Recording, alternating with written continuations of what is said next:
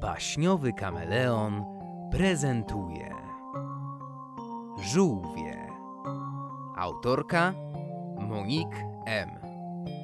Ze specjalnym udziałem Idy Pyttel. Ale tu pięknie, Stepusiu. Powiedziała Ola do trzymanego na rękach żółwika. Rozglądała się z zachwytem po zielonym zboczu prowadzącym do wielkiego jeziora, w którym odbijało się błękitne niebo i rozpromienione słońce. Tata już rozłożył koc na trawie, a mama wyjmowała smakołyki z koszyka piknikowego.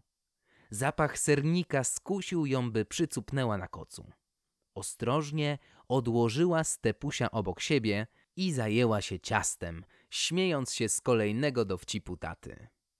Tymczasem żółwik rozglądał się zaciekawiony. Zawsze oglądał świat z balkonu piątego piętra, a tu nagle wszystko go otaczało.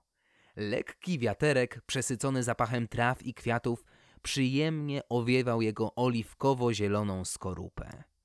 Stepuś zapragnął lepiej poznać to wszystko. A czemu bym nie miał zrobić sobie spacerku? Pomyślał. Ucieszony tym pomysłem, powoli ruszył na swoją małą wyprawę. Szedł powoli, ale nie przeszkadzało mu to. Zatrzymał się dopiero przed wysokimi trawami na skraju koca. Powoli wysunął swoją długą szyję, by lepiej spojrzeć hen do góry nad czubki źdźbeł. Wysokie, pomyślał. I choć poczuł lekki lęk przed dalszą drogą, to ciekawość i chęć podróży wygrała. Ruszył dalej.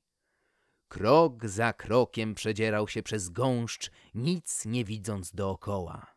Pomyślał nawet, by się wycofać, lecz wszystko dookoła wyglądało tak samo i nie wiedział, w którą stronę ma iść. Wtedy przestraszył się nie na żarty.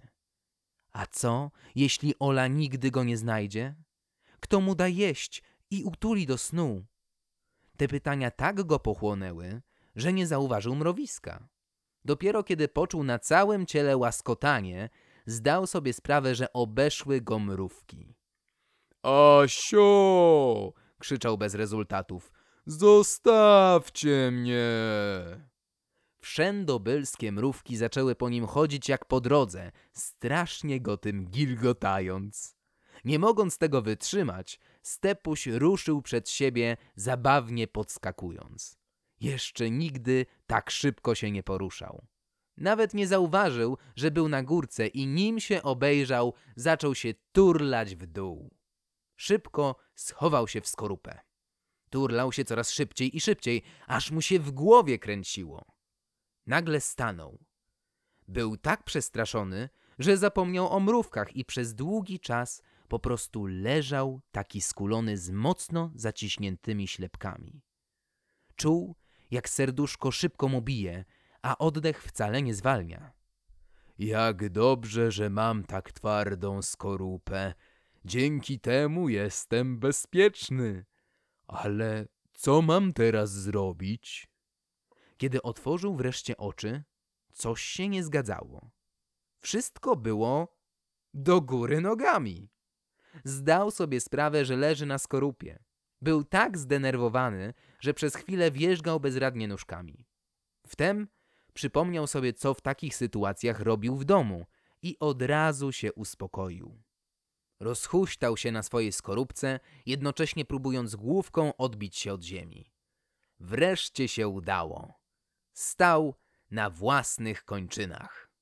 Ładne turlanie. Usłyszał. Przed stepusiem stał taki sam żółw jak on.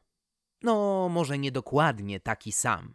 Ten był oliwkowo-brązowy i miał inny kształt skorupy, a jego ruchy były o wiele szybsze. Kim jesteś i co tu robisz? Zapytał powoli zaciekawiony stepuś. Jestem żółwiem błotnym, a właściwie żółwicą i szukam miejsca na złożenie jaj. Mieszkam tu sobie w wodzie, gdzie mam pod dostatkiem małych rybek i ślimaków. Mmm. O fuj!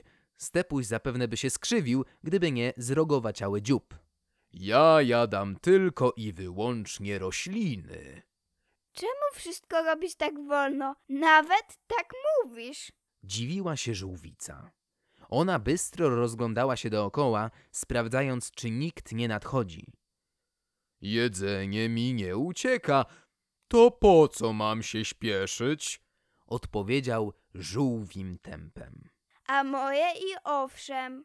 Poza tym mogę jeść tylko w wodzie. Wtedy łykam kęsy wraz z wodą. Pierwszy raz widzę takiego żółwia jak ty. Jesteś nie jak żółw, ale jak ślimak. I zaśmiała się ze swojego żartu. Stepuś tylko wyciągnął dumnie szyję do góry. Różnimy się, bo mieszkamy w różnych miejscach i co innego jemy. Mamy wielu kuzynów, którzy też się różnią. Niektórzy są ogromni i żyją nawet 150 lat. Inni są żeglarzami przemierzającymi oceany wraz z prądami morskimi. Zdążą dotrzeć tam, gdzie chcą. Poza tym my, żółwie, byliśmy na świecie jeszcze przed dinozaurami. O rany, skąd ty to wszystko wiesz? Moja przyjaciółka Ola przeczytała mi to z książki, odpowiedział Stepuś, ciesząc się, że zrobił na żółwicy wrażenie. Chciał jeszcze pochwalić się swoją wiedzą, kiedy usłyszeli szelest. Ktoś się zbliża.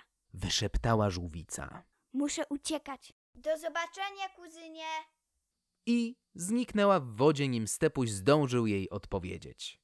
On sam szybko schował się do skorupy, wyczuwając drżenie ziemi. Co tym razem go czeka? Zgubił się, spotkał mrówki i spadł z górki prawie do wody. Nagle padł na niego wielki cień, a nad sobą usłyszał znajomy głos. Stepuś, znalazłam cię. Poczuł, jak Ola bierze go na ręce i tuli do siebie. To była najszczęśliwsza chwila, jaką pamiętał. A wyprawy w nieznane? Mogą poczekać. I to by było na tyle. Do usłyszenia już niebawem.